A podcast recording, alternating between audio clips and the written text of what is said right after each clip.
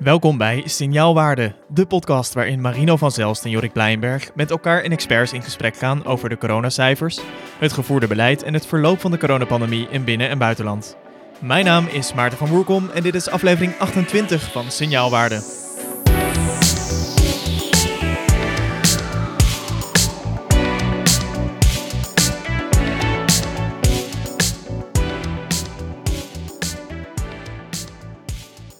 Goeiedag en welkom. Het is vandaag 14 januari 2022, dag 689 van de coronapandemie in Nederland en de ochtend na de eerste persconferentie met de nieuwe minister van VWS Ernst Kuipers. Jorik Marino, lekker uitgeslapen vanmorgen? Ja, heerlijk geslapen. Nou, niet, niet echt, want ik moest als een idioot uh, allemaal stukken lezen uh, voor deze podcast op mijn vrije zaterdag. OMT-adviezen, kamerbrieven, presentaties doorkijken, presentaties van Ernst Kuipers doorkijken die ons toegemaild zijn. Noem het allemaal maar op. Ja, ik heb dat dus gisteravond al gedaan en daarna heb ik lekker geslapen. Dus, uh. Kijk, in ieder geval goed voorbereid, want we keken gisteren met z'n drieën um, thuis naar de persconferentie en meteen een hoop vragen. Want uh, er was duidelijk een andere toon dan anders. Daar gaan we het zo meteen uitgebreid over hebben. In deze signaalwaarde nemen we je mee door de persconferentie. We gaan uh, eerst even over de vorm hebben, maar vooral ook over de inhoud. Want er zijn opvallende dingen gezegd en daar willen we graag bij stilstaan. uiteraard nemen we de vragen die we via Twitter en andere kanalen hebben ontvangen weer mee. Um, daarbij gaan we het hebben over Omicron, over de voorspelde grote hoeveelheid besmettingen en wat dat dan kan betekenen voor de ziekenhuisopnames en hoe dat de maatschappij al dan niet zal ontwrichten. Daar zometeen meer over. Maar eerst, um, Marino, het numerieke kenmerk van de actualiteit. Nou, ik ga eerst even moeilijk doen. Je zei, we hebben allemaal de persconferentie zitten kijken en het was anders. Weet je wie ook de persconferentie heeft zitten kijken? Minister Hugo de Jonge. En uh, ik moet daar toch even vermelding van maken. Hij maakte daar een tweetje van met een popcorn uh, emoji. Ik zit lekker de persconferentie te kijken met zijn mascalories in beeld. En popcorn op tafel. Ik, ja, heel veel mensen vonden het een leuk grapje. Ik vond het zelf ook wel uh, een momentje dat ik dacht van... oh ja, hij laat even merken... ik ben eigenlijk ook wel blij dat ik dit allemaal niet meer hoef te doen. En een nieuwe klus uh, staat hem te wachten natuurlijk. Ja, ik, het is lang geleden dat ik zo hard om Hugo de Jonge heb zitten lachen. Omdat het daadwerkelijk grappig was. Dus het, ik, ja... Ik zag heel veel mensen chagrijn. Heel veel mensen waren chagrijnig, want het is een serieuze zaak. En dat is het ook. Dat gaan we vandaag uitgebreid doen. Maar ik wilde toch even stilstaan bij het feit... Hugo de Jonge heeft humor. Um, en dat moet even gezegd worden. Um, wie, uh, uh, nou ja, hij vierde iets dat hij na twee jaar ervan af was. En uh, het getal van de week sluit daar mooi op aan. Um, want het getal van de, de week is één. want wij hebben ook iets te vieren, want we zijn jarig. Ja. Kijk, het muziekje gaat al spelen. Signaal waar er bestaat één jaar. En ja, ik, ik hou ook maar ook gewoon. Want dit hadden we eigenlijk helemaal niet willen doen, toch? Het was helemaal niet het idee, nou ja, dat wij toch met signaalwaarde ons eerste jaar zouden gaan uh, uh, volmaken. Dat was eigenlijk niet de planning, want we hadden gehoopt deze podcast te maken totdat we niet meer relevant zouden zijn. En eigenlijk, ja, jullie doen je best met voorspellen, maar hadden jullie niet voorspeld dat we nu nog steeds deze podcast zouden opnemen? Nou, kijk, we hadden natuurlijk wel voorspeld dat we hier nog langdurig mee bezig zouden zijn. Maar we hebben natuurlijk regelmatig ook in de podcast zelf en in de redactievergaderingen gesproken over van, van is er een soort signaalwaarde te verzinnen wanneer wij ermee stoppen? Um, en uh, er kwam een fase waarin we dachten van nou, we gaan meer evaluatie doen, minder over de epidemie. Uh, dat hebben we na één aflevering uh, de deur uitgedaan, want het feest van de epidemie begon weer. Dus ik vind het leuk om dit te maken, omdat het leuk is om met jullie dingen uit te leggen en te bespreken. Maar ik had wel gehoopt dat we niet meer OMT-adviezen moesten doorlezen en die dan nou ja, uitleggen, dat soort dingen. Um, maar tegelijkertijd is het toch wel een ja, een, een momentje dat we één jaar, één jaar signaalwaarde hebben. Een mijlpaaltje. Ja. Ja, we, ik, ik, ik, had natuurlijk altijd gezegd van uh, de, als we klaar zijn met vaccineren, dan, dan is ook ongeveer het einde van de podcast. Uh, nu zitten we op één jaar. Uh, we zijn klaar met vaccineren, maar we zijn nog een ronde aan het doen, aan het boosteren. Nou, en nu is eigenlijk mijn enige hoop dat deze podcast niet volwassen wordt. Nou ja, aangezien we misschien elk jaar gaan vaccineren, moet signaalwaarde gewoon uh, in permanento uh, aanwezig blijven of zo. Is dat dan de oplossing? Nou, laten we die lange termijn strategie anders even uitstellen voor over ongeveer 10 dagen. Dat we het daar dan even over gaan hebben. Want dat hebben we gisteren ook gehoord. We hebben gisteren dus naar die persconferentie gekeken. En ja, als, misschien zijn jullie het niet met me eens, maar ik vond dat er duidelijk een ander signaal werd uh, afgegeven dan dat we eerder hoorden van uh, Hugo de Jonge en Mark Rutte samen. Um, Ernst Kuipers heeft duidelijk een iets andere insteek gekozen voor deze persconferentie, sowieso in vorm, maar ook in hoe we in de epidemie staan. Uh, ik vond dit heel opvallend. Na twee jaar zijn we in een nieuwe fase van de pandemie beland. Corona gaat niet meer weg. We moeten leren leven met dit virus. Ja, we moeten leren leven met dit virus en corona gaat nooit meer weg. Iets wat we impliciet wel eerder hoorden, maar nog nooit zo expliciet volgens mij benoemd is door het kabinet. Marino Jorik, eh, vonden jullie dat ook opvallend? Het was ernst. Met de persconferentie. Ja, ik heb geen padoemts. Nee, ja, maar, ja, maar ja, goed. Moet, kom, het moet gezegd worden. Ja, maar het moet nee, gezegd ik vond het, ik vond de... Het was een uh, ernstige toon. Ja, dat was, het was ernstig in die zin uh, dat ze nu eindelijk voorbij het stuk, het is een marathon, we hoeven nog maar 10 kilometer kwamen. En ik was blij dat het eindelijk een keer benoemd werd, um, hè, dat het coronavirus, daar ging het natuurlijk al heel lang over van, het gaat niet weg, we moeten ermee leren leven. En ook het kabinet lijkt nu met die boodschap aan boord. Um, hè, dat was ook duidelijk in de achtergrond, want we hebben altijd de achtergrond, uh, samen krijgen we corona onder controle. Nu stond er gewoon rijksoverheid.nl slash corona. Um, dus ook het uh, onder controle krijgen is duidelijk opgegeven. Uh, nou ja, en, en daar ging het vrij lang over dat we het niet onder controle kunnen krijgen. Nee, het staat ook letterlijk niet meer achter op de, op de banner. Hè? Zeg maar, ook de hele nee. setting is veranderd. Dus achter de achtergrond, daar staan nu icoontjes. Uh, dat werd wel een soort van Pictionary om te kijken wat nou ook weer wat betekende. Maar in ieder geval een hele hoop uh, icoontjes op de achtergrond. Geen alleen samen krijgen we corona onder controle. En dat was ook niet de toon in um, deze persconferentie. Ik vond het wel een wat verwarrende boodschap. Omdat ik aan de ene kant merkte, um, er is ruimte voor versoepelen.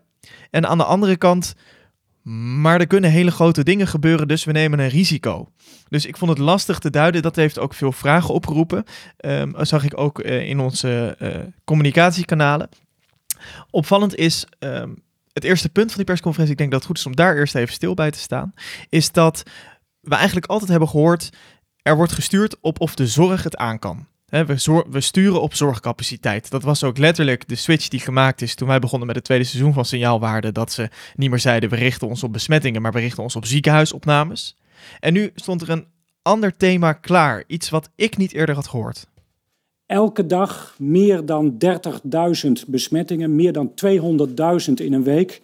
En vaak mensen met een huisgenoot of een gezin, die dan ook in quarantaine moeten. Dat telt op tot honderdduizenden mensen die thuis zitten.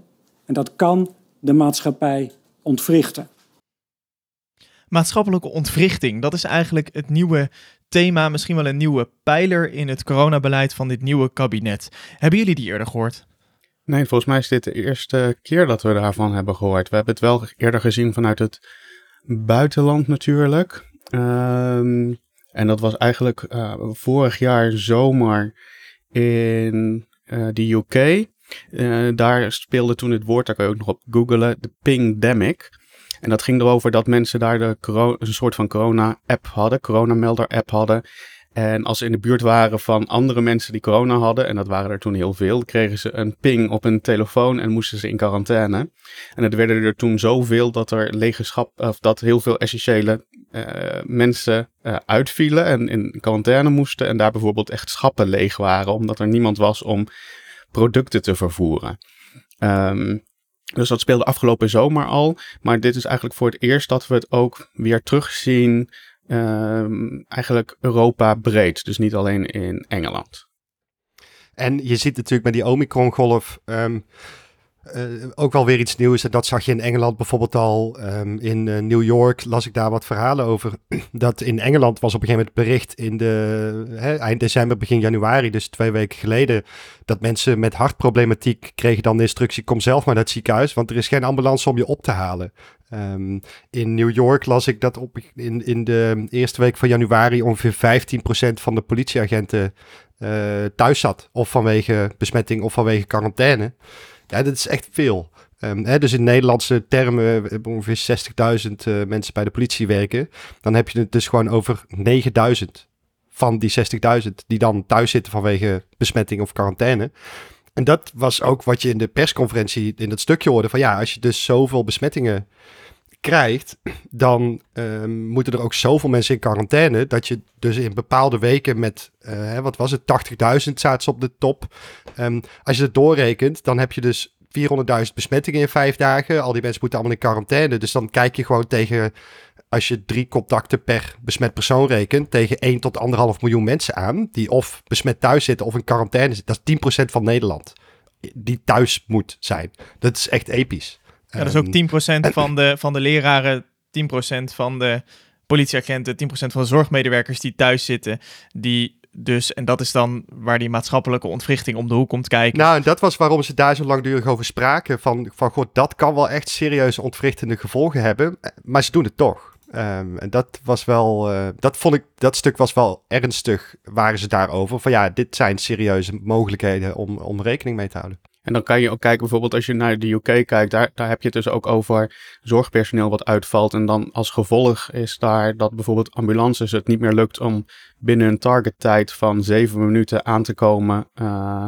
Uh, dat is een gemiddelde tijd, aanrijdtijd van zeven minuten, dat, dat, dat ze dat niet meer halen. Dat gaat naar negen minuten toe. Um, ze willen ook dat als je naar de spoedeisende hulp uh, komt, dat je dan binnen vier uur wordt geholpen. Uh, 25% van de mensen wordt gewoon niet binnen die uh, vier uur geholpen. Um, gisteren was om zes uur een item bij de NOS op het journaal. Dat duurde 11 seconden of 12 seconden. En daar werd gewoon gezegd: de NOS kan de roosters niet meer rondkrijgen en treinen vallen uit. En dat was letterlijk eigenlijk een mededeling. Maar zo, zo ziet de maatschappelijke ontwrichting eruit. Dat gaat mis in de zorg, dat gaat mis bij de treinen, dat gaat mis bij de brandweer, bij de politie en andere diensten. Ja. Dus eigenlijk is dat waarop gestoeld is dat in ieder geval de quarantainemaatregelen zijn aangepast. Uh, je mag dus sneller nu uit uh, quarantaine, uit isolatie. Um, wat zijn de overige maatregelen? Even kort nog, uh, voordat we doorgaan. Ja, de overige maatregelen zijn eigenlijk um, dat al het onderwijs weer geopend wordt. Hè, dus nu ook het MBO, het HBO en de universiteiten. Het WO, um, de winkels mogen weer volledig open tot vijf uur. Um, er was eerst sprake van deze week, dat staat ook in het OMT-advies namelijk, met doe het op afspraak. Hè, dus, dus je uh, maakt een afspraak, dan kom je winkelen. Um, dat stond in het OMT-advies. Dat is eigenlijk het enige waar het kabinet ook afwijkt, als ik het goed las. Namelijk dat het kabinet zei, nee, doe maar gewoon zonder afspraak. Dus je mag gewoon winkelen zoals gebruikelijk, alleen dan tot en met vijf uur. Dat waren eigenlijk de twee belangrijke... Oh ja, en de contactberoepen. Dus, we, dus de kapper, nagelstilisten, uh, sekswerkers... Uh, dat soort uh, hoeken. Um, die mogen ook weer doorgang vinden. Eigenlijk was hetgene wat nu nog 100% op slot zit, is alle horeca en de evenementen en de culturele sector. En dan hebben we het over de musea, bioscopen, noem het allemaal maar op. En voor de rest is het eigenlijk uh, weer open tot met vijf uur. Dus we hebben een soort hele, een, een, selectieve avondlockdown. Was een beetje mijn hoofd de samenvatting. En we ja. mogen weer met meer mensen samenkomen. Dat is de laatste maatregel. Oh ja, met z'n vieren inderdaad. Ja, inderdaad. En een bredere inzet, ik denk dat ze eerst laatste moeten zeggen, de bredere inzet van medische mondkapjes uh, naar het advies van het Outbreak Management Team. En dan, ja, en die, uh, werden, die werden ook verkocht, en dat staat ook wel in het OMT-advies, als omdat we dit allemaal open doen, gaan er zoveel infecties ontstaan. En we gaan mondneusmaskers nu echt als remmend middel um, inzetten. Dus mondneusmaskers zijn nu een soort vervanging um, voor al die dingen die opengaan. Dat was ook de eerste keer dat ze zo duidelijk zeiden van, van mondneusmaskers zijn nu ook een tool, net zoals bijvoorbeeld het corona-toegangsbewijs, om de zaak een beetje af te remmen. Um, dat was ook een beetje een switch, vond ik. Ja, en eigenlijk wel een persconferentie uh, van de ommezwaai, als ik het zo even samenvat, want er lijkt echt een andere koers gevaren te worden. In het verlengde daarvan even jullie reflectie op het volgende bij de vorige persconferentie was er heel veel, ja, nou ik zal niet zeggen paniek, maar er was een hoge urgentie vanwege Omicron. We wisten niet hoe ziekmakend het, het was. De boostercampagne was nog niet volledig op gang. Daar liepen we wat achter. En die golf zat eraan te komen. Er werd uh, gemodelleerd um, dat er misschien wel begin februari 4000 mensen op de intensive care zouden liggen. En um, dat dat uh, medio januari uh, zo'n 1500 zouden zijn. Die getallen zien we niet. We zien een forse uitstroom in de ziekenhuizen. En we zien wel een forse toename onder een lockdown van uh, de besmettingscijfers. Dus ik wil het heel graag gaan hebben over de koppeling tussen besmetting en ziekenhuisopname. Want we hebben een ommezwaai gemerkt in de toon die het kabinet aanslaat. We hebben het niet meer over de zorgcapaciteit, maar we hebben het over de maatschappelijke ontwrichting ten gevolge van quarantaine en isolatie. Hoe zit het dan met die zorgcapaciteit? Kunnen we, nu we zien dat Omicron zometeen dominant is, of misschien nu al dominant is, kunnen we dan rustig ademhalen en zeggen, nou, ons zorgstelsel gaat het in ieder geval aankunnen? Klopt die verschuiving van de focus? Er is nog veel onzekerheid over. Um, dat zie je in de OMT-modellering ook terug. Dat het OMT eigenlijk aangeeft van er is veel onzekerheid. Waar je um, wat minder onzekerheid over hebt. Um, als je in ieder geval naar de, de data kijkt uit het buitenland. Andreas Vos zei het van de week ook bij op één. Is de IC-capaciteit. Dus het lijkt erop alsof Omicron gegeven de hoge mate van immuniteit die wij in Nederland hebben door uh, vaccins, boosters en, en doorgemaakte infecties, dat de IC uh, niet meer ons grootste probleem is. En dat was ook wel de vibe die ik gisteren van allerlei reacties meekreeg op social media, vriendengroepen. Um, dat zeiden, ja, maar we hebben altijd gestuurd op IC-capaciteit. En nu lijkt het, het er dan op dat de IC niet meer het probleem gaat zijn. Dus er zijn hè, nu allemaal van die uh, analyses gedaan van wat is de kans op een IC-opname bij Omicron, gegeven dat je al uh, gevaccineerd bent, geboosterd, eerder infectie. Ja, die is gewoon echt drastisch lager dan bij uh, Delta. Um, en dat zag je dus ook van de week al wel, dat iedereen zei, ja, de, IC is het probleem niet meer. de intensivisten begonnen zich ook te roeren van, ja, bij ons, dat, dat gaat niet meer volstromen. Maar op de verpleegafdeling kan dat nog wel het geval zijn. Um, daar zit heel veel onzekerheid. Dus de OMT vond het ook lastig om te modelleren, had ik het idee. Omdat we de specifieke percentages van nou ja, hoeveel kans op opname weten we nog steeds niet helemaal zeker. Um, ja, en het stuk, hele stuk daarvoor. En dat was eigenlijk waar het ook in de persconferentie natuurlijk uitgebreid over ging. Van ja, hoeveel mensen raken er besmet? Uh, hoeveel daarvan worden ziek? Hebben dan de huisartsenzorg nodig? In de wijkzorg? In de verpleegzorg? Dus de focus lijkt te verschuiven van de IC naar uh, alles daarvoor. Um, dat was altijd al verstandig. Maar nu wordt het een soort ook het beleid van, van we hoeven niet meer zo strak naar de IC te kijken. Um, terwijl hiervoor was het, als de IC nog niet vol ligt, dan uh, is het probleem nog niet zo groot. Dan kunnen we nog even door. Ja. Als je kijkt naar de modellen, uh, er was ook een vraag van een luisteraar. Dan hebben zij daar wat aannames in gedaan. De vorige keer vroeg ik aan jou, Marino. Um, is, waren die niet wat pessimistisch? En toen was jouw antwoord van ja, ze zijn pessimistisch, maar dat mag ook. Hoe, hoe kijk je nu naar de modellen van, uh, van het RIVM? Anders, anders. Dus wat ze vorige keer hadden gedaan was zeggen van hè, we, we de uh, aanname is dat de kans op een ziekenhuisopname hetzelfde is als bij Delta. Dat geldt voor de IC ook. Um, de lichtuur is hetzelfde. ze hadden natuurlijk wel de boostervaccinatie meegenomen. Nou, en nu hebben ze daar wat aanpassingen in gedaan. Um, dus in de, de transmissiemodel-modellering, en dus daar, waarmee we in de toekomst kijken, um, daar zeggen ze nu uh, dat de aanname is dat de kans op opname na een infectie van Omicron is 40% lager dan uh, bij Delta. Dat is een wat um, voorzichtige aanname. Maar, ik, maar daar zou ik mee aan boord komen. Had ik zelf ook gedaan. Op 40 of 50 procent gezet. Want dat zien we nu wel in al die analyses uit het buitenland papers. Van nou ja, het zit ergens tussen de, waarschijnlijk tussen de 40 en de 70 procent. Um, 30, 70 procent afhankelijk van wat je meeneemt. Dus 40 procent vind ik wel verstandiger. Um, ze hebben wel aangenomen dat de lichtuur hetzelfde is als bij Delta. En dat vind ik wel wat pessimistisch, want alle analyses tot nu toe lijken erop um, alsof die lichtuur ook wel korter is um, dan uh, bij uh, Delta. Um, en daarnaast hebben ze de kans op IC-opname is onveranderd ten opzichte van Delta. Dat is echt pessimistisch. Dus tot nu toe blijkt, ge gegeven dat je immuniteit hebt door vaccinatiebooster en of een eerdere infectie, dat de kans op een IC-opname wel echt serieus lager is dan bij Delta. Dus dat vond ik zelf wel wat pessimistisch. Dat ik dacht, ja, maar dan had je jezelf meer ruimte kunnen gunnen als modellering. En dan heb je nog het stuk over de generatietijd. Um, hè, dus dat is de gemiddelde tijd tussen uh, twee besmettingen. Dus als ik besmet word en ik besmet iemand anders, dan kost dat een aantal dagen. Nou, wat is daar de gemiddelde periode van? En um, die generatietijd heeft ook invloed op uh, het reproductiegetal, wat je dan uh, gaat schatten, en op de hoogte van de piek, et cetera. Um, die houden ze nu hetzelfde. Daar zijn wat signalen over dat die korter is. Um, maar nou ja, daar dit zou ik waarschijnlijk ook zelf wel gedaan hebben. Maar vooral die IC-opname en de lichtduur, dat vond ik wat, wat erg pessimistisch. Dat zegt het OMT ook in de presentatie het katshuis. Van, ja, dit lijkt wel iets te pessimistisch. En ik begrijp ook niet helemaal goed waarom dat dan nu zo is. Maar ja, het is uh, het tegenovergestelde als van wat ze altijd doen. Want normaal zijn de op aannames altijd optimistisch voor Omicron. Dus ja, ze lijken te balanceren nu. Um, en um, daardoor zie je ook dat de um, modellering, hè, dus, dus hebben zeg maar doorgerekend van nou, als we geen versoepelingen doen, uh, wat gebeurt er dan? als we wel versoepelingen doen, uh, bijvoorbeeld uh, het, alleen het openen van het onderwijs of we gaan gewoon terug naar de avondlockdown. Um, dat zou ook betekenen dat de horeca zo voor een deel natuurlijk open gaat. Ja, dan, dan is de modellering wel echt uitermate pessimistisch en gaat hij gewoon gortroog over de zorgcapaciteit heen. Dus in de modellering zitten we met deze maatregelen echt over de zorgcapaciteit heen. Dus wat we zouden kunnen hebben.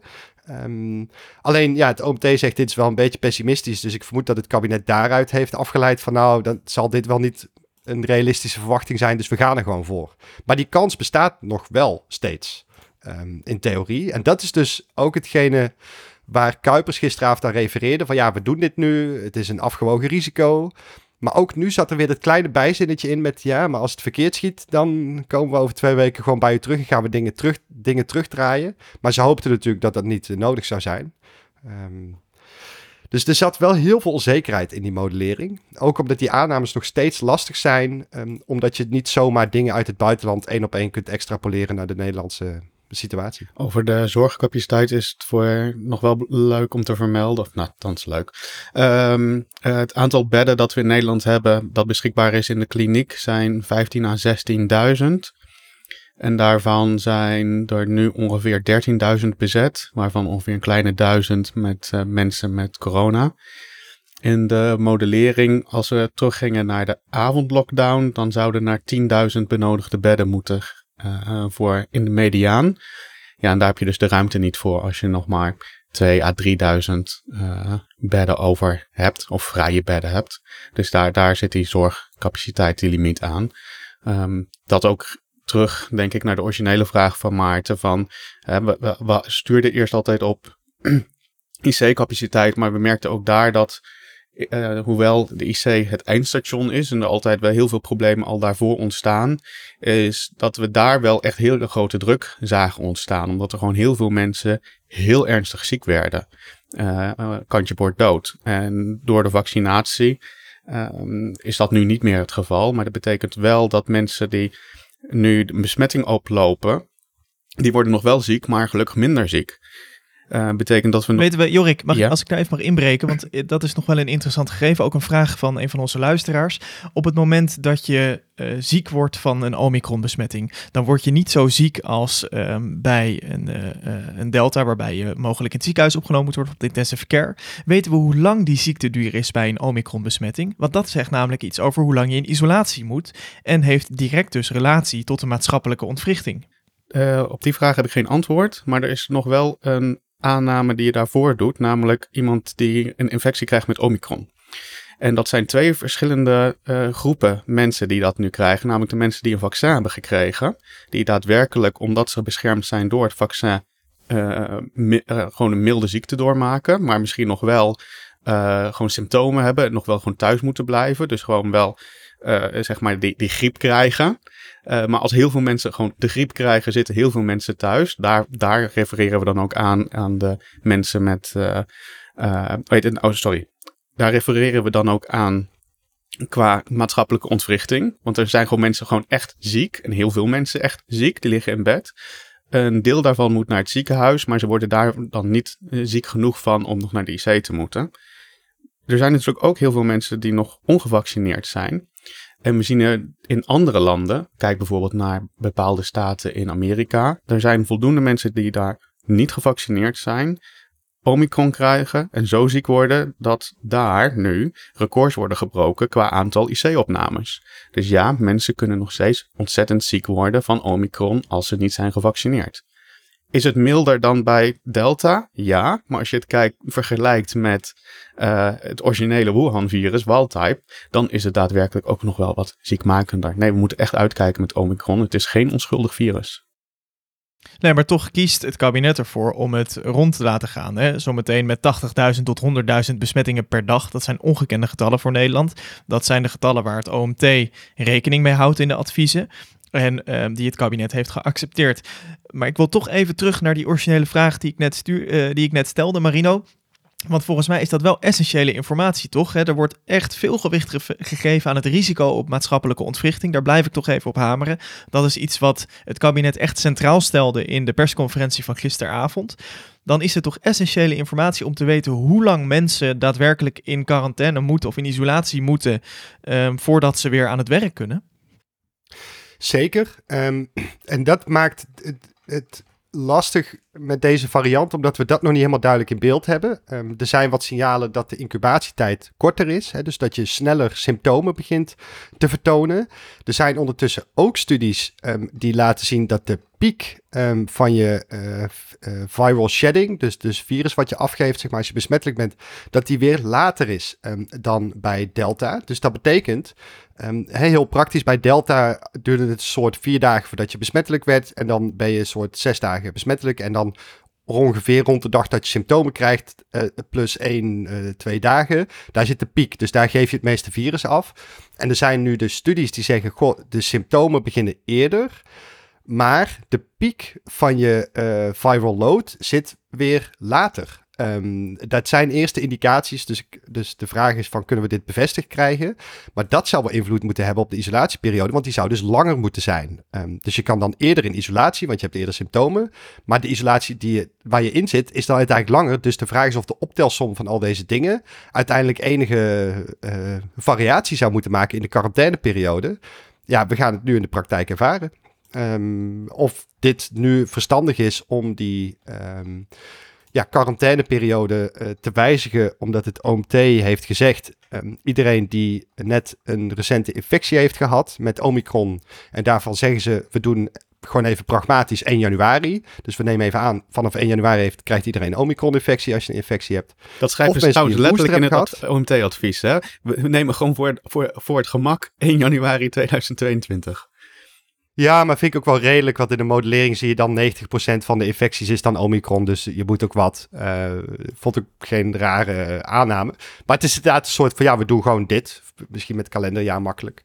Um, of een booster, die hoeven niet in quarantaine. Dat is iets anders dan isolatie. Ik zie dat verschil zo vaak misgaan in de media, dus ik wil het even nog een keer hier gezegd hebben. Je gaat in isolatie als je een besmetting hebt gehad en je gaat in quarantaine als je in contact bent geweest met iemand die um, besmet is. En dat verschil is wel cruciaal, omdat de isolatieperiode is niet aangepast. Alleen de quarantaineperiode is aangepast. Oftewel, je moet nog steeds zeven dagen in isolatie um, en 24 uur klachtenvrij zijn. Dan mag je eruit. Alleen de quarantaineperiode is aangepast, um, omdat we de aanname doen met een booster of een recente Omicron-infectie. Nou ja, ben je toch een tijdje beschermd en, en kunnen we het risico wel nemen dat jij gewoon vrij buiten uh, rondloopt.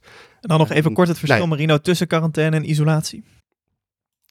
Het uh, verschil tussen isolatie en quarantaine is dat isolatie ga je in als je een besmetting hebt en uh, quarantaine ga je in als je in contact bent geweest met iemand die besmet is, omdat we dan weten je hebt een groot risico om zelf besmet te zijn en dan kun je het weer doorgeven aan anderen. En de praktische uitwerking? Nou, de praktische uitwerking is dat bij een isolatie moet je gewoon uh, zeven dagen in in huis blijven. Mag je gewoon niet naar buiten. Um, plus 24 uur klachtenvrij. En bij quarantaine in de praktijk betekent het dat als jij recent al een infectie hebt gehad of een booster, dan mag je gewoon buiten blijven rondlopen. Ook al ben je in contact geweest met iemand die besmet is geweest. Um, en dan heb je natuurlijk nog de cruciale beroepen en daar is het allemaal wat anders. Uh, hè. Maarten is zo'n cruciaal beroep. Dus Maarten uh, heeft mildere quarantaineregels dan Jorik of ik, bijvoorbeeld. Wat wel betekent dat ze het OMT aanraadt dan bijvoorbeeld bij de cruciale beroepen. En die lijst is uh, online te vinden. Dat als mensen in contact zijn geweest en net een booster hebben ge uh, gehad bijvoorbeeld, dat ze wel elke dag een zelftest zullen doen. Dat is het advies in ieder geval van het OMT. De GGD gaat deze regels ook toepassen, alleen komt dat over een week pas. Aangezien zij gaven gisteren op Twitter aan van, ja, deze regels die zijn net uit de lucht komen vallen en dat moeten we aanpassen en dat kost ons gewoon heel even. Ja, dat En dat twitterden ze gisteravond gelijk ook inderdaad. Ze van, uh, ja, uh, sorry, wij kunnen niet zo hard werken. Nee, ze hebben, nee, zijn, natuurlijk, zijn natuurlijk in de, het, volgens mij was dat kort voor de, de Delta uh, persconferentie, um, dat zij helemaal de mist in zijn gegaan. Omdat er toen telefonisch nog allemaal verschillende um, adviezen berichten werden, gestuurd, adviezen werden gegeven die niet in lijn waren met het toen, toenmalige kabinetsbeleid. Ik weet, ik, weet dat het, ik weet dat het zo erg... Ik sprak een bron- en contactonderzoeker en die begon al dus in lijn met de persconferentieadviezen dus quarantaineadviezen te geven en die kreeg dus op de kop. Zo van, nee, maar wij hebben het protocol nog niet aangepast, dus je moet nog even de foutieve informatie geven. En ja, dat was een hele rare situatie. Mensen zeiden, ja, maar, maar Hugo de Jonge zei iets anders. Ja, dat weet ik. Maar het, het, protocol is nog niet aangepast. Nou, dat gaat nu uh, hopelijk beter. Zorgt er voor een uh, hoop frustratie en verwarring. En die frustratie moeten we misschien even op inzoomen, want dat is iets wat we nu ook merken. Dit kabinetsbeleid is natuurlijk gedeeltelijk ingegeven door het uh, Outbreak Management Team, door het wetenschappelijk advies. Maar er zijn meer factoren die meespelen. We zien de afgelopen twee weken, dat werd ook aan Kuipers en Rutte voorgelegd door een journalist in de persconferentie, dat um, de, ja, er echt iets veranderd is in de maatschappij. En nou ja, we noemden in het begin van de podcast al dat ook de toon van het kabinet is aangepast. We hebben het niet meer over corona onder controle krijgen, maar leven met het virus.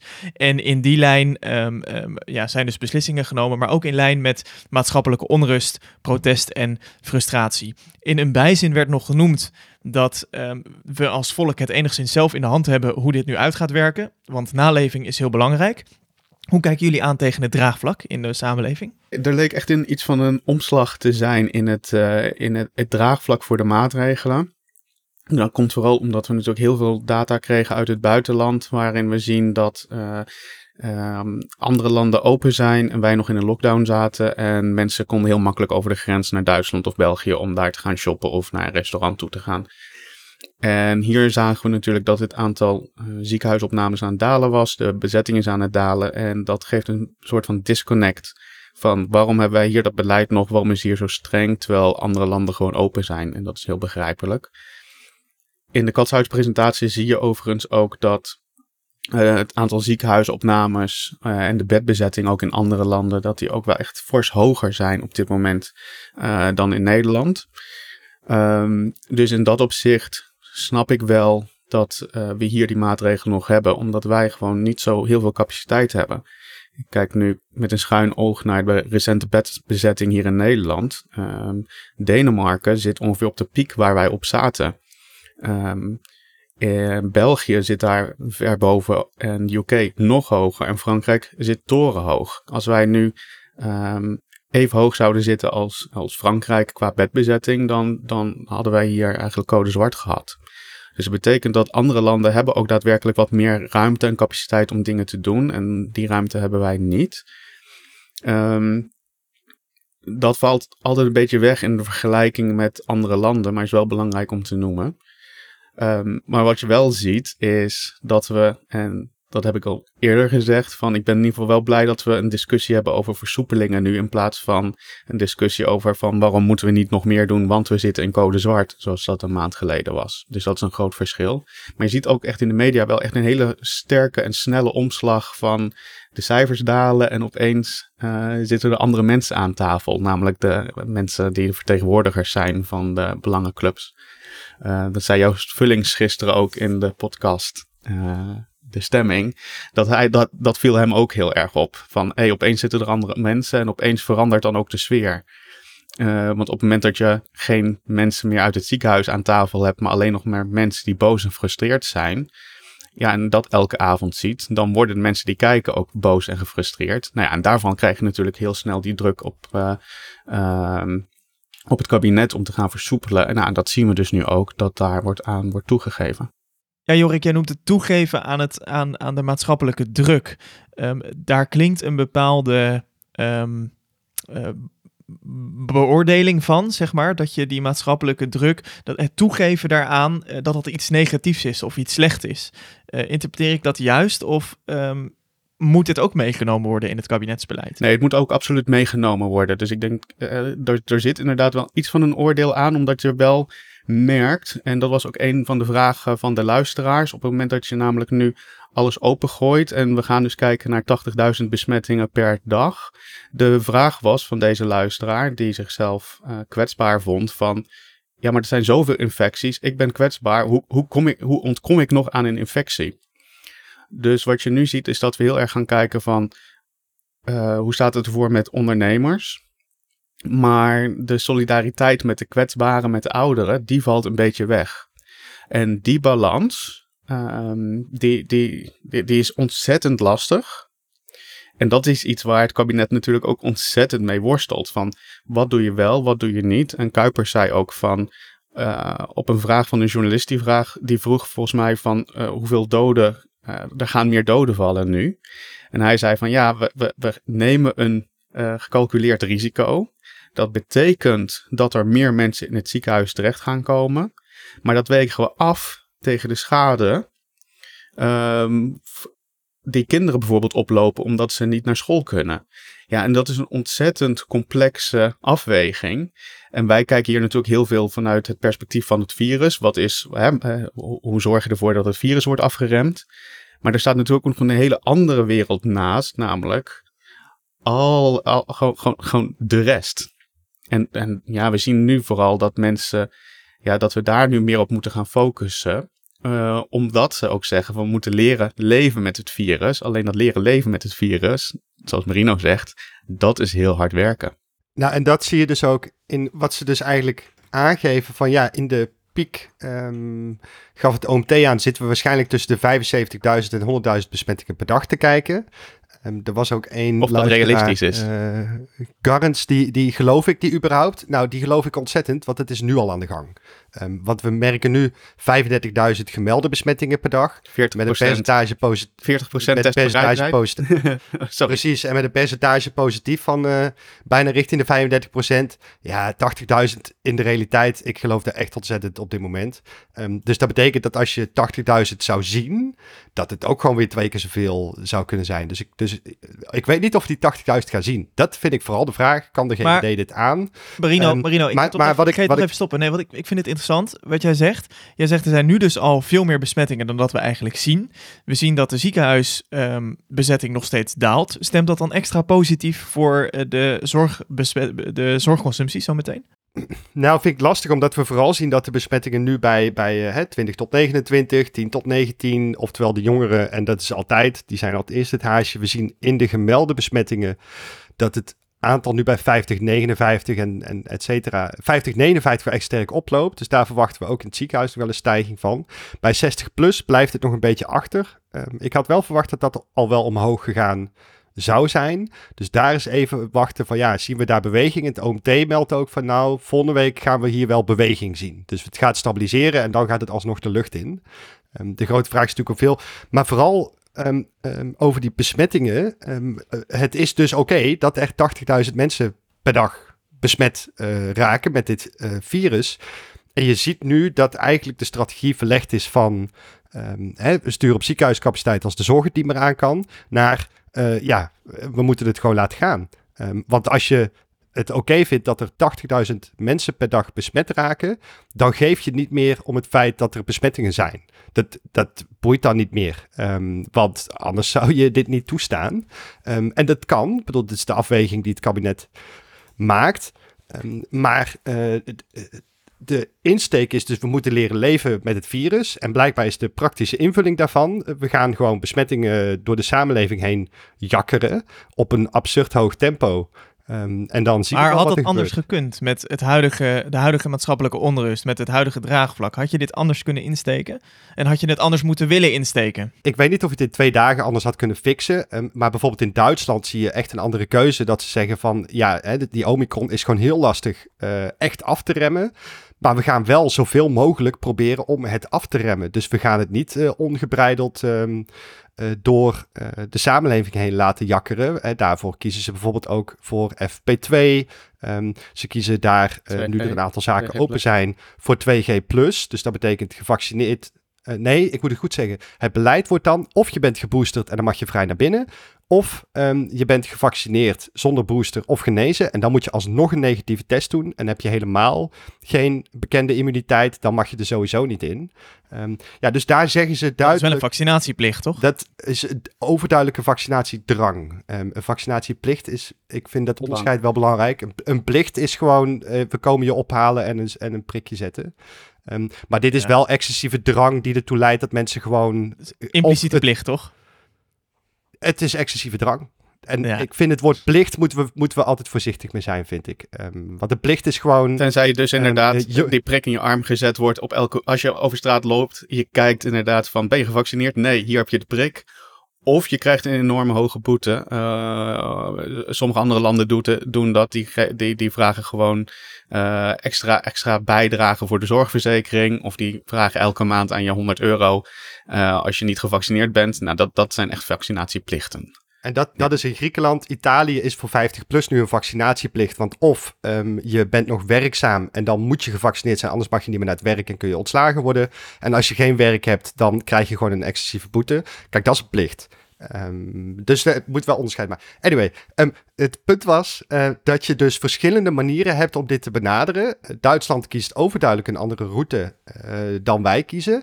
En daarom vond ik het zo apart ook dat ze ook schetsten van... ja, maar die naleving, beste mensen, is wel ontzettend cruciaal. Ehm, daar ben ik het over het algemeen altijd mee eens. Maar als je zegt, ik vind het eh, best wel prima dat er 80.000 gemelde besmettingen zijn... en we weten dat het altijd gewoon twee keer zo hoog is door de testbereidheid... ja, kijk, 160.000 besmettingen, dan is naleving... ehm, voor eh, een individu nog steeds belangrijk. Want met goede naleving kun je wel een besmetting, kans op besmetting reduceren. Maar voor de populatie is naleving totaal irrelevant geworden. Oh, dat Want was ook nog een vraag van de 160 luisteraar. Van hoe kan een individueel persoon zich nu nog beschermen als er 160.000 besmettingen per dag zijn? Nou, dat, dat, daar wilde ik ook even net op eh, doorpakken. Maar dat, ik wilde het even melden dat ik het zo raar vond dat zij de naleving is zo belangrijk. Ja, voor een individu wel. Want je kunt je eigen kans op besmetting echt serieus reduceren. Maar voor een populatie is met meer dan 100.000 besmettingen per dag... is naleving totaal irrelevant geworden. En dat is, dat is iets wat niet duidelijk naar voren kwam... maar wat ik vond, dit moet wel gezegd worden. Want de, de keuzes zijn echt anders. Besmettingen zijn gewoon eh, eh, als een soort lolly, weet je wel. Ja, prima. Ehm, Maar Marino, is zo'n besmetting dan zo erg op het moment dat je er niet zo ziek van wordt? Want dat is natuurlijk het argument wat je veel hoort, dat met, met 50 tot 70 procent minder kans op ziekenhuisopname, waarom is het dan een probleem als je besmet raakt met een virus waar je niet zo ziek van wordt? Want dat zien we toch vaker? Eh, ja, ehm, wat we eh, vaker zien is dat virussen rondgaan en daar proberen we dan iets aan te doen. Ehm, en ehm, de kans op ziekenhuisopname is duidelijk minder. Alleen ik denk dat we wel voorbij de dichotomie, en daar hebben wij in deze podcast altijd voor gepleit, voorbij de dichotomie moeten komen van verkoudheid of ziekenhuisopname. Daar zit een hele range tussen.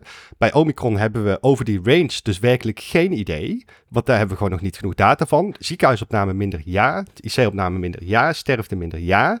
Maar de hele range tussen verkoudheid en ziekenhuisopname, ehm, ja, daar weten we gewoon nog niet goed. Long COVID, dat soort zaken. Ik wil daarmee niet zeggen, goh, die lockdown moet in stand blijven tot we 100% duidelijk hebben, 100% duidelijkheid hebben over long COVID.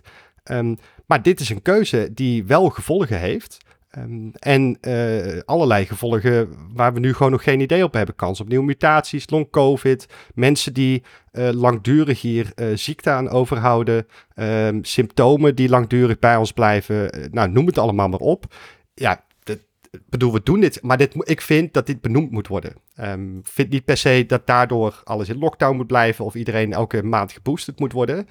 Maar we mo- mogen hier ook niet omheen lopen met een soort... we accepteren 100.000 besmettingen per dag, want het is niet relevant meer. Dat is inderdaad wel een onderdeel van het risico wat we nemen. Is inderdaad long COVID. Want we weten inderdaad niet wat er precies op lange termijn gaat gebeuren. En sommige virussen, daarvan zien we pas effecten echt jaren later. Ehm, dus wat er precies gaat gebeuren, eh, zeker ook bij de mensen die niet gevaccineerd zijn en het virus voor het eerst tegen gaan komen, dat weten we niet. En wat is een hele grote groep van mensen die het virus of nog geen vaccinatie hebben gehad? Eh, dat zijn de kinderen. En die worden pas vanaf komende maandag krijgen die een eerste prik. Dus die zijn eigenlijk nog onbeschermd tegen dit nieuwe virus, waar we eigenlijk nog steeds niks van weten. Want virologen zeggen, Marion Koopmans zegt volgens mij altijd van we hebben een jaar of vijf nodig om het virus echt te leren kennen. Ja, daar, daar zitten we gewoon nog niet.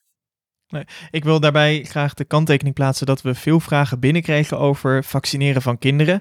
Um, en ook over uh, hoe je nu met je eigen gezondheid en vaccinatie om moet gaan. We hebben het vaker gezegd, maar we proberen zoveel mogelijk het coronabeleid op basis van wetenschap en cijfers uh, te duiden en uit te leggen. Maar voor medisch advies moet je je echt wenden tot de eigen huisarts of het eigen zorgkader. Dus ik denk dat het goed is die opmerking nog even te plaatsen. En dan wil ik even door naar de huidige situatie. Marino, tenzij jij nog iets toe wil voegen. Ja, ik, omdat medisch advies zeker, maar er was wel een vraag over hoe kan ik nou individueel mijzelf toch nog beschermen. Um, in het kader van dit beleid waarbij infecties bonton zijn geworden. Um, en dat lijkt me altijd goed om even te benadrukken. Um, dat je altijd in staat bent door middel van de basismaatregelen um, en extra scherpte daarin toch de kans op infectie weet te reduceren. Hij is niet nul, zeker niet als er zoveel besmettingen in de samenleving zijn. maar je hebt natuurlijk altijd de mogelijkheid om je eigen contacten uh, te beperken.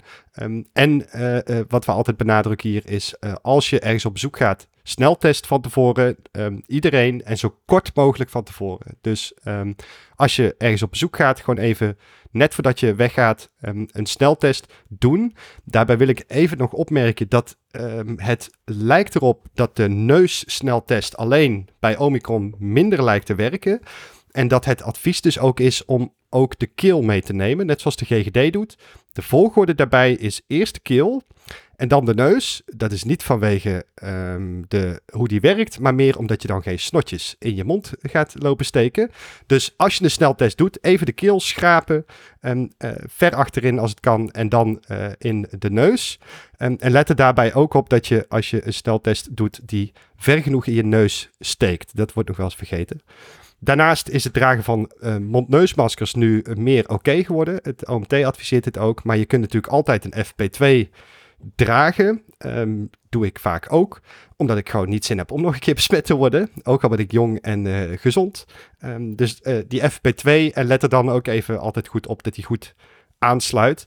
Ventilatie is super belangrijk. Um, dus kruislinks ventileren als je uh, bij iemand op bezoek gaat, bijvoorbeeld. Hè, raampje aan de ene kant van je huis, raampje aan de andere kant van je huis. Is ook belangrijk. Um, en handen wassen is belangrijk omdat Nederlanders verschrikkelijk slecht zijn in handen wassen. Niet per se vanwege het corona.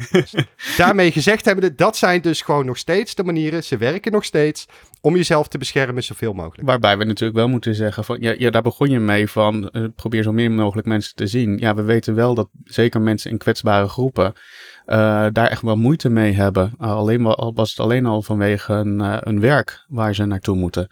Uh, en dat maakt ook het risico van zoveel besmettingen in de samenleving ook voor die mensen ontzettend hoog. Uh, en daar zit wel echt een risico wat we, wat we nemen. Want dat die mensen zich gewoon minder goed kunnen beschermen omdat ze bijvoorbeeld naar werk moeten. Uh, maar ook bijvoorbeeld omdat ze niet gevaccineerd zijn. Dus dan heb je echt zo'n dubbele cocktail, zeg maar, wat uh, in die groepen uh, niet goed gaat. Kijk, politici en mensen op kantoren kunnen zich goed beschermen. Al laat Hoekstra het tegenvoorbeeld zien. Um, maar da daar, daar maak ik me niet het meeste zorgen om. Want als je gewoon thuis kan werken, dan, dan is dat prima. Maar het zijn juist de mensen die in essentiële beroepen zitten. Um, die, die de klappen gaan opvangen van het virus zo rond laten gaan. Het virus gaat dus inderdaad rond. Dat is ook wat het Outbreak Management Team. Maar niet helemaal verwacht. rond, hè? Want dat was de vraag van, van Marino. Want we hebben nog wel geen cultuur. Exact, daar wilde ik even naartoe, want uh, dat is ook iets waar veel onvrede over ontstaat. Het kabinet heeft een keuze gemaakt. Die heeft gezegd, de nagelstilist mag wel open, het theater nog niet. We zien nu dat uh, vanuit een groep cabaretiers er uh, volgende week de theaters omgebouwd worden door het kapsalons. En dat er toevallig dan ook een cabaretier op het podium staat naast het knippen grapjes te maken. Um, een, ludieke actie die... Um, wel samenvat hoe de uh, maatschappij heeft gereageerd hierop. Want horeca en um, de cultuursector die uh, vangen wederom uh, harde klappen en worden achteraan gesteld. Op basis waarvan zijn deze keuzes nu gemaakt? Waarom is de horeca en cultuursector nog op slot? En wel, is het wel mogelijk om naar een sekswerker te gaan of naar de nagelstilisten? Um, daar is een tweeledige logica die ik zelf ook nog steeds probeer te begrijpen. Maar dit is wat ik ervan meekreeg. Het één is als we alles tegelijk openmikken, dan gaat het aantal infecties zo hard oplopen dat er een serieuze kans bestaat dat de zorg overstroomt. Omdat het dan, nou ja, de mogelijkheid tot opname is nog steeds uh, aanwezig. Hè? Wat ik zei, mild betekent niet geen opnames meer. Dat risico willen ze niet lopen, dus dat de zorg ineens overstroomt. Tweede, wat daarbij hoort, is dat het aantal infecties dan zo hoog wordt dat de maatschappij echt ontwricht wordt. Dus dat al die essentiële sectoren eruit knallen. Dus willen ze een, een enige rem daarop blijven houden. Oké, maar ik ga je meteen onderbreken, want is er data die onderbouwt dat de culturele sector zorgt voor meer besmettingen dan bijvoorbeeld de contactberoepen? Nou, ik wilde even het tweede punt maken, want daar kom ik daar ook bij. Dus dit was reden 1, namelijk als je alles laat gaan, dan is de, zijn de echte medische risico's uh, gigantisch. Um, volgens het OMT en het kabinet. Um, waarbij dus de kanttekening, dit is dan blijkbaar niet te risicovol wat we nu doen.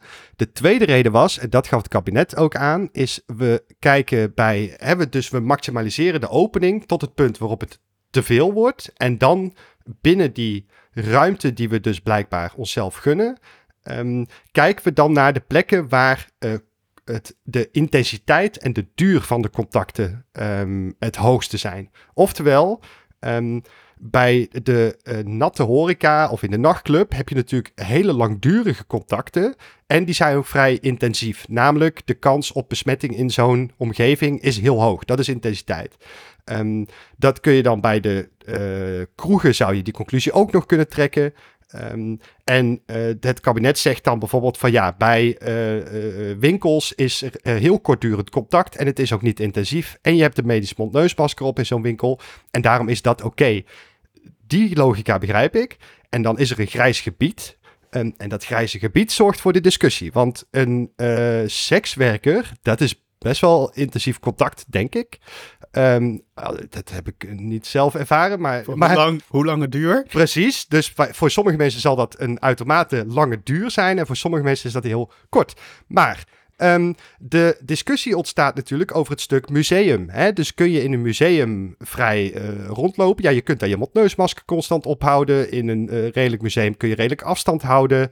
Um, er was iemand die een grap maakte met... Ja, moeten we de Mona Lisa dan gaan PCR testen voor de zekerheid? Uh, is die dan besmettelijk? Ja, nee, ook niet natuurlijk. Dus, dus mijn um, inschatting van tevoren was dat ze bij, bij culturele instellingen juist ruimte zouden bieden. Want, want ik vind een museum veel minder risicovol dan een kroeg. Zelf, als ik het even inschat. En dat, is, dat grijze gebied is heel lastig. En dus hebben ze een belangen, ik vermoed, een belangenafweging gemaakt met ja, hier zitten meer stemmers, hier zit meer economische problematiek en, en we gaan ervoor. Nou, dat grijze gebied is wel interessant. Zeker als je kijkt waar, wat ze in de persconferentie zeiden van musea. Dat zorgt ook voor uh, regionaal en bovenregionaal uh, verkeer. Dus dan komen veel mensen uit verschillende gebieden bij elkaar.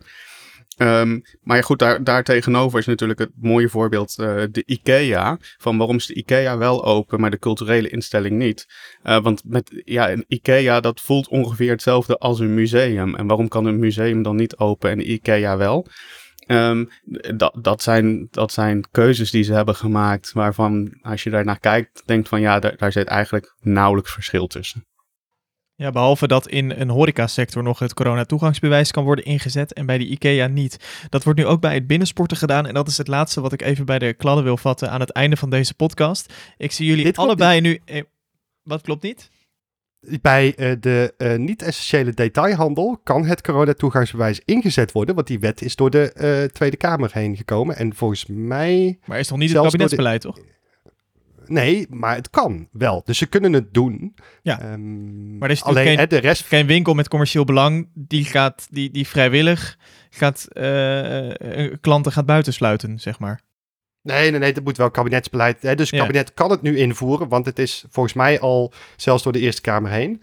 Uh, maar ze moeten het dan wel doen als ze het zouden willen, zeg maar. Ja. Bij de sportclubs is het nu wel ingevoerd.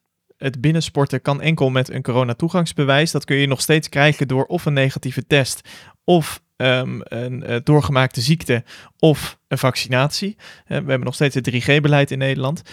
Hoe kijken jullie aan tegen de inzet van het CTB? Nou, binnenkort is iedereen een keer uh, uh, besmet geweest, dus dat is wel makkelijk voor het CTB. Maar zorgt het ook voor minder viruscirculatie, het inzetten? Nee, ik nee. bij, bij het Omicron-variant is, is het hele idee van het coronatoegangsbewijs zeker 2G. Kan waarbij je zegt, ja, als je, is kan echt de prullenbak in. Want, want uh, we zien in de data dat die booster helpt om de kans op uh, kans tegen infectie komt dan in eerste instantie terug tot ongeveer 50, 60 procent. En die was basically nul. En daar hebben we het vorige keer ook over gehad. Die komt dan terug tot 50, 60 procent. En we zien dat dat binnen een week of 10 zakt dat weer zodanig tot 0 tot 20 procent. Dit zien we in Britse data, die al wat langer aan het boosteren zijn dat dit hele 2G-beleid staat gewoon totaal op losse schroeven, zelfs epidemiologisch. En de discussie was daar altijd, um, we doen dit uh, zodat we infecties enigszins controleren en remmen. Nou, één, het infecties remmen en controleren is ook de prullenbak in. Um, en uh, uh, daarmee uh, vervalt dus enige grondslag epidemiologisch, maar ook in de afweging van proportionaliteit, omdat het best wel een heftig middel is. Um, voor 2G, nee. Dus je ziet ook allerlei experts die zich normaal een beetje afzijdig houden in dit debat, ook nu allemaal roepen, ja, dit kan echt de prullenbak in.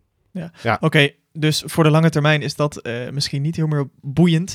Die lange termijn strategie, daar gaat het kabinet nu over nadenken. Of tenminste, ik hoop dat ze er al een tijdje over nadenken, maar daar gaan ze volgende week mee komen. Um, ik vraag jullie zo meteen aan het einde ter afronding van deze podcast één advies voor het nieuwe kabinet. Wat jullie meegeven als ze nadenken over en die strategie daadwerkelijk gaan concretiseren. Maar Allereerst, um, voordat we eraan komen, vroeg ik mij nog af, en met mij vele anderen, nu die Omicron-variant minder ziekmakend is.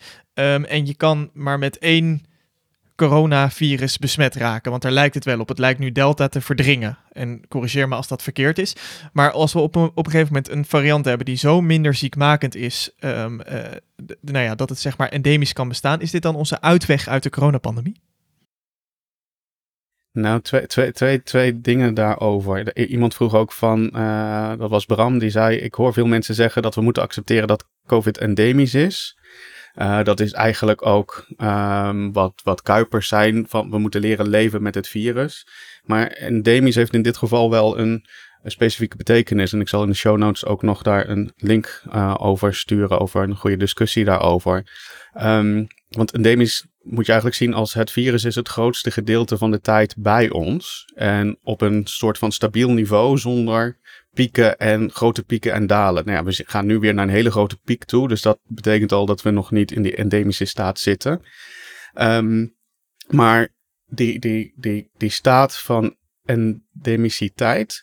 Um, dat kan hoog zijn of laag. Dus het kan zijn dat het virus ook nog uh, op een hoog niveau rondgaat. Dus dat altijd veel mensen besmet zijn of laag. En je krijgt het later lager door veel vaccinatie. Maar het heeft niet zoveel te maken uh, met hoe ernstig de ziekte is. Uh, dus er zijn ziektes die ook endemisch zijn. HIV, malaria, TBC. Maar daar gaan wel veel mensen aan dood.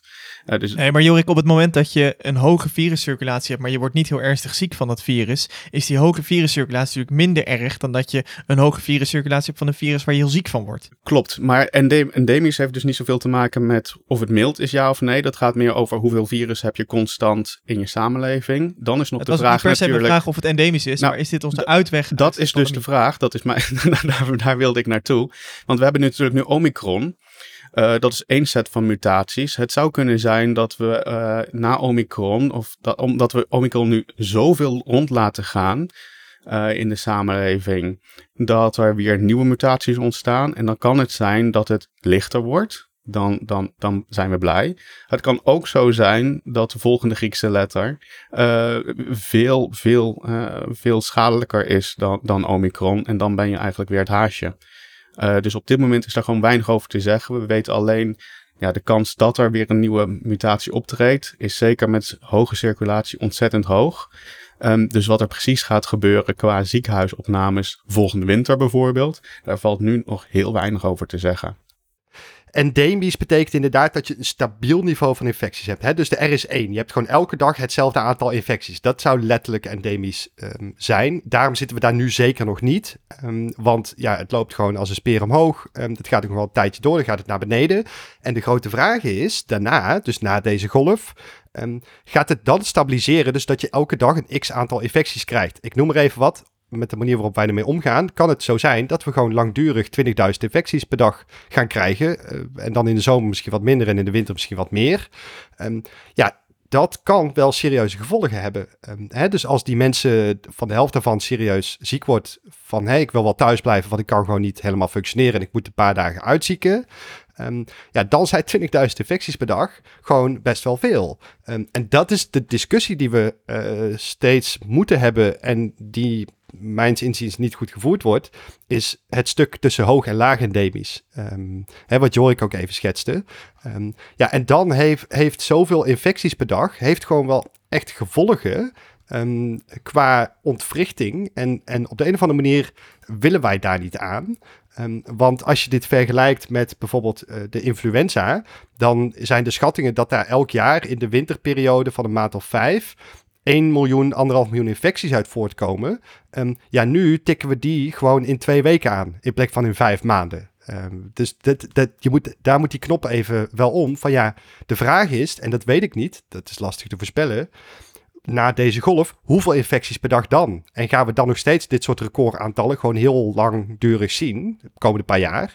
Um, of niet? Nou, dat heeft invloed op de lange termijn strategie. En ik begreep dat jij daar advies over wilde één, advies wat je het kabinet zou willen meegeven? Ja, ik was even nog met een schuin oog naar het, de, presentatie in het Katshuis aan het kijken van het RIVM, waarin ze zeggen van um, de WRR en KNW, die hebben een mooi rapport geschreven over de verschillende scenario's, uh, toekomstscenario's. En zij hebben een grote pijl gezet bij scenario 4 en dat is de continue strijd.